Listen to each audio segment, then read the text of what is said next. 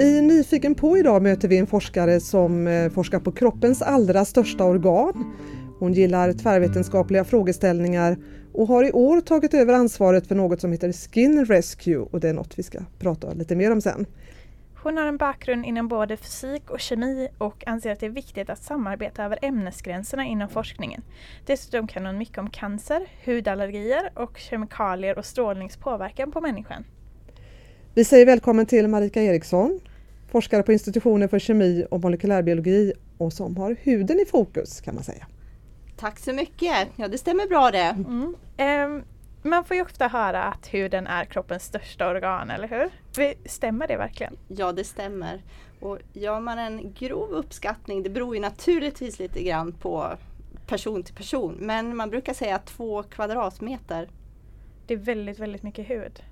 Ja, det är som en ganska stor bit av golvytan. Ja. Mm, det är som en säng eller någonting, men jag tänker att är, eh, eh, kan man verkligen se huden som ett sammanhängande organ? Jag tror inte många tänker på det.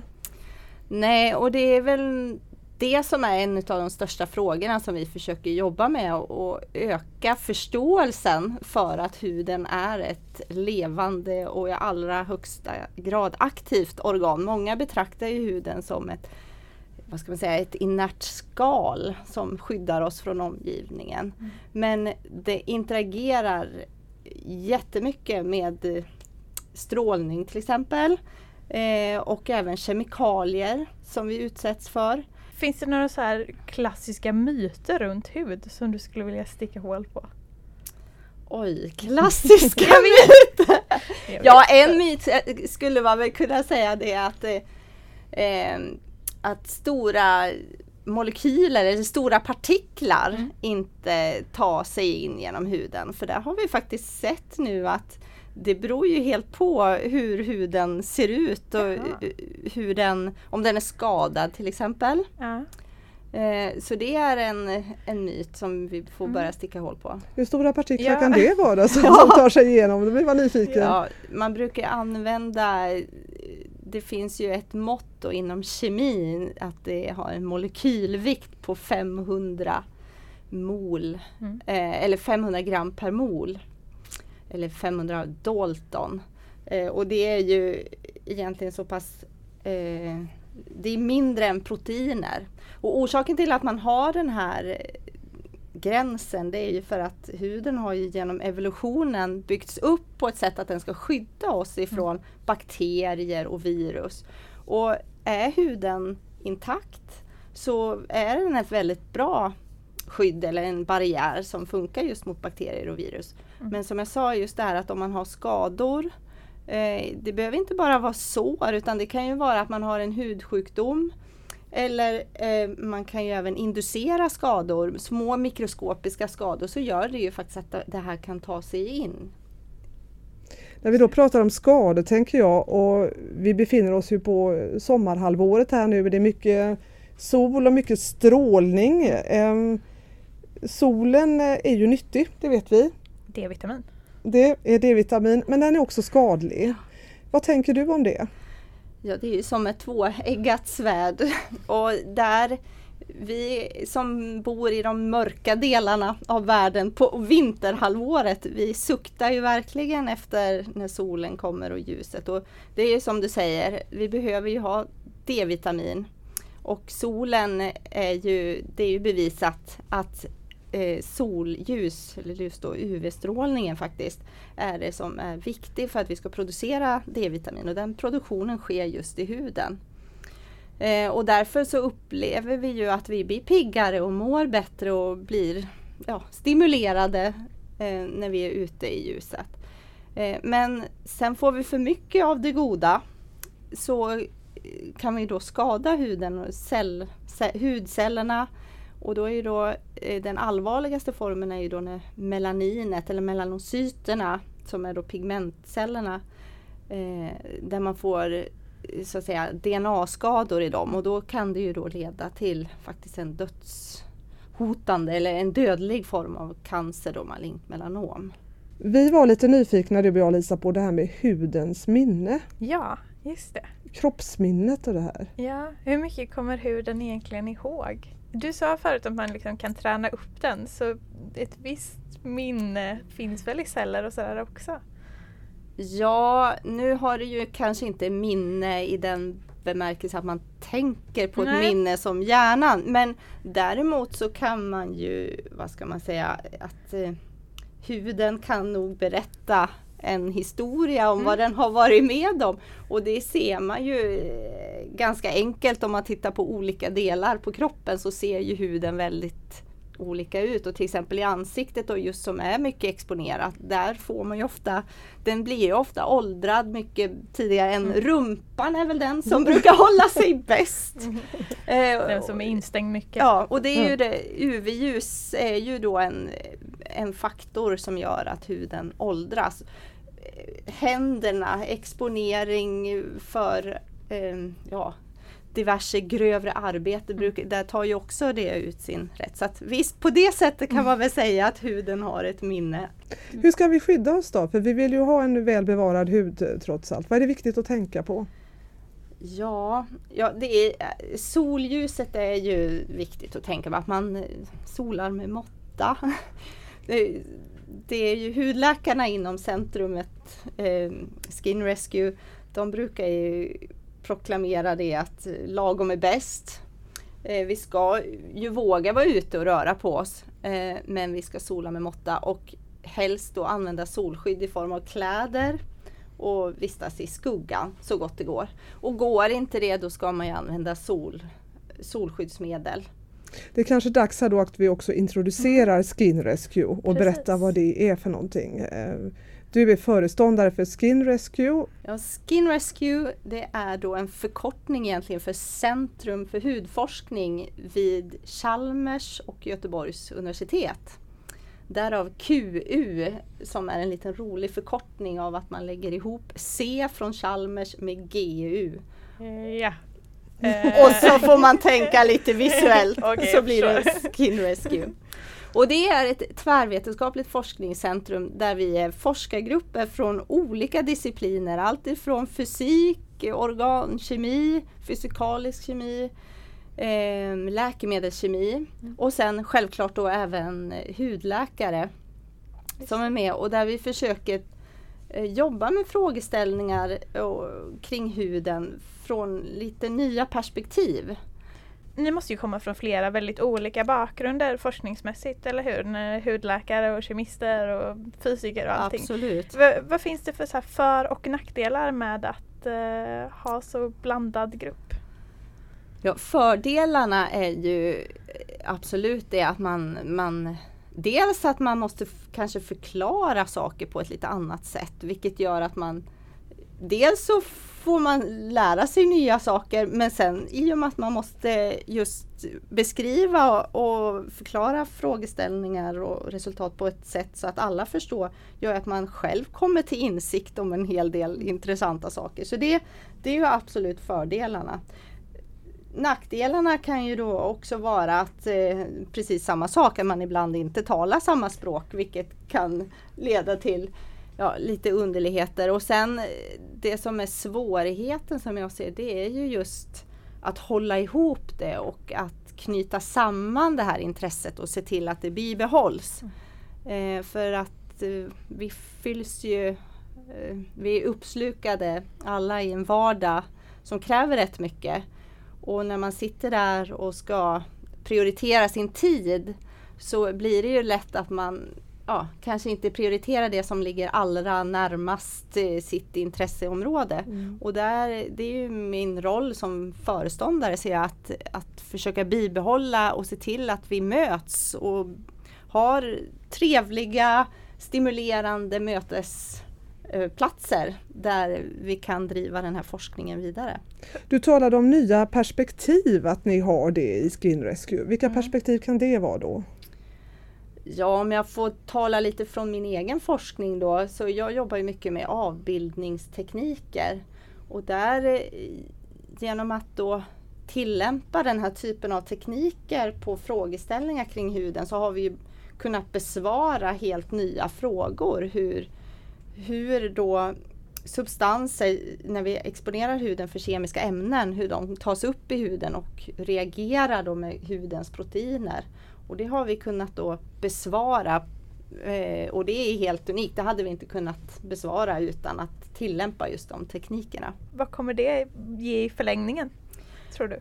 Ja, det är ju då, det, just det projektet är ju inriktat mot det här att förstå uppkomsten av kontaktallergi. Mm. Kontaktallergi det är ju en immunologisk sjukdom som eh, så att det är liksom kroppens eget immunförsvar som vänder sig mot huden.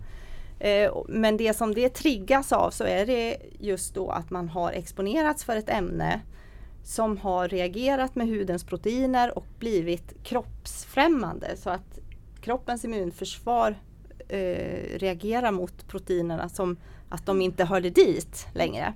Mm. Vad styr det här att man blir kontaktallergisk? Alltså mer att man kan, för man kan bli det helt plötsligt ju. Ja, det, det, är en intressant fråga varför vissa blir det och inte vissa och det, det har vi egentligen inget bra svar på. Eh, men det som vi då kunde forska fram det var just en förståelse för vilka proteiner i huden är det som åtminstone vissa typer av ämnen reagerar med. Och om vi kan förstå det då kan man ju det så kan man ju identifiera substanser och förstå vilka substanser det är som kan orsaka kontaktallergi och då förebygga eh, och hitta nya eh, ersättningssubstanser men visst, sen kan man ju tänka sig för en annan problematik. Det är ju det här med diagnostiken. Att om det kommer en patient som har ett allergiskt, en allergisk reaktion, att förstå vad är det som har orsakat den här allergin. Det är ju nästa sida. Det finns någonting som heter, och det är ett väldigt svårt ord, multifotonmikroskopi. Ja, är det rätt? Ja, det är rätt. Och, och det sysslar ni med. Eh, ni avbildar huden tredimensionellt helt enkelt utan att huden förstörs. Eh, vad är poängen med detta? Ja precis och det är den tekniken som är lite min ögonsten och som jag gärna jobbar med. Eh, ja, det är en mikroskopiteknik där man använder ljus, alltså vanlig ljusmikroskopi. Om man ska kunna titta på hudens celler i ett ljusmikroskop så måste man först, då måste man ha ett hudprov som man sen skivar upp i jättetunna skivor och färgar in. Och sen kan man se hudens celler. Det kallar jag att man gör en histopatologisk undersökning av huden. Eh, det är inte så praktiskt om man vill studera processer i huden och vad som händer. Eller till exempel om man vill titta på patienter direkt och se hudcellerna i, ja, i levande hud så att säga. Mm.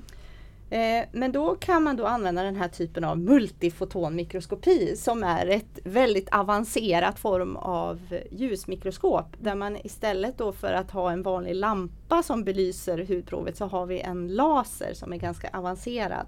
Det är en pulsad laser eh, med väldigt hög energi i pulserna. Och då kan man skanna den över hudprovet och så kan man registrera den signal som man får tillbaks. Och genom att man skannar då både i ytan och även då i djupled så kan man då sen virtuellt i datorn bygga upp en tredimensionell bild av huden. Och det, den tekniken har vi just då använt än så länge på labbskala där vi har då hud som vi har fått donerat ifrån plastikkirurgen faktiskt på, hud, eller på Sahlgrenska universitetssjukhuset.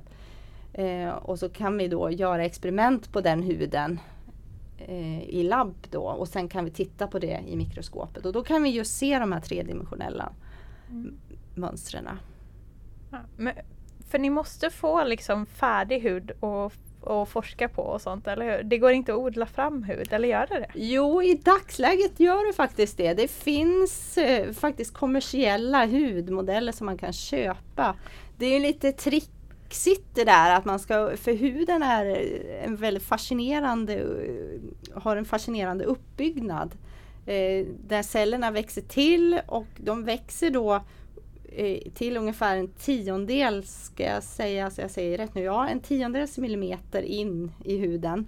Det är där som eh, hudcellerna växer till och sen så så flyttas de successivt uppåt eller trycks successivt uppåt och när huden har hudcellerna har nått ytan så är de helt döda.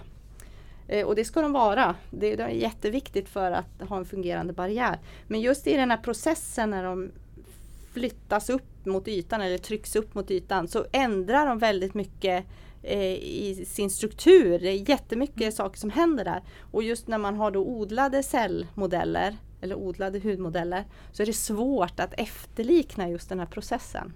Det här att vi ömsar skinn på ett sätt. Vi har ju massor med hudceller genom livet. Hur många gånger byter vi hud egentligen? Oj, ja det är en bra fråga. Jag har inte räknat på det det är där. rätt många gånger. Ja, det är rätt. Ja, och det, det är flera kilo man tappar på ett år om, om man säger så. Så att det är mycket och, och, det är som sagt var det är en del i processen och att just huden har ett så bra skydd. Det är just att vi har det här det är ungefär 10 cellager beroende på var man är någonstans, tittar någonstans på kroppen. 10 cellager av det yttersta hudlagret som är helt döda celler. När du pratar om diagnostik här så tänker jag, är det just hudcancer ni kan titta på genom den här metoden som du nämnde tidigare? Eller vad, vad, vad är det ni diagnostiserar?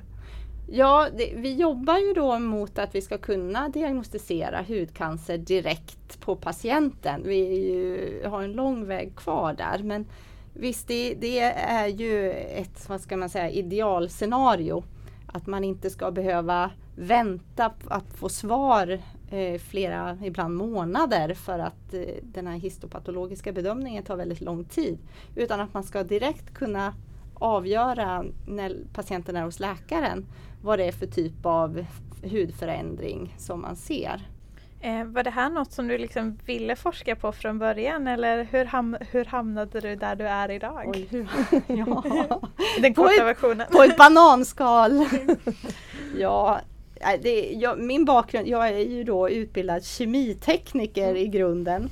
Eh, och jag läste då mitt eh, sista år, jag pluggade på KTH i Stockholm eh, och läste i mitt sista år i Sydney på Sydney universitet. Och det var väl där jag insåg att jag inte ville bli kemitekniker.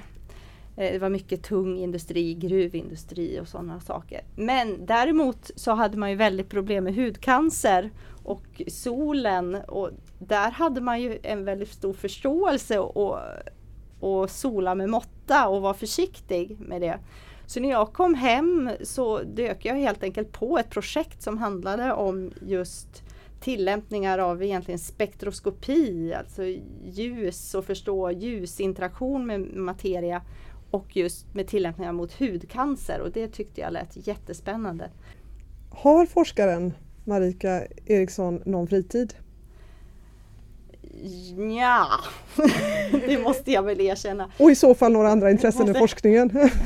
ja, just nu är ju väldigt mycket intressefokus på mina barn. Jag har ju en femåring och en ettåring. Och så klart att när jag har ledig tid så försöker jag spendera tid med dem och vi gör saker tillsammans. Men vi vet också att du har dansat väldigt mycket. Ja, det var i min ungdom. Eh, så det känns faktiskt som det var i mitt tidigare liv som jag var aktiv tävlingsdansare. V vad är det för typ av dans? Ja, det var latinamerikansk ah. dans. Så jag var faktiskt på elitnivå i Sverige. Mm. Vi låg som ständig tvåa efter Dermot Clemenger som sitter i Let's Dance-juryn. Eh, så han hamnade där och jag blev forskare. Det är lite olika vart man hamnar. Ja, men däremot så måste jag säga att det har mycket erfarenheter med mig från den tiden. Just det här att man eh, går in för någonting så hårt och att för att komma någon vart så måste man i dansfallet träna och ligga i och samtidigt här eh, inom forskningen så det gäller att ligga i och forska och publicera och hitta på nya idéer och nätverka. Så att det, jag har faktiskt mycket erfarenheter med mig från dansen. Även fast man, det är så olika. Då får vi säga tack till dig Marika Eriksson för att du ville komma hit till Nyfiken på. Tackar!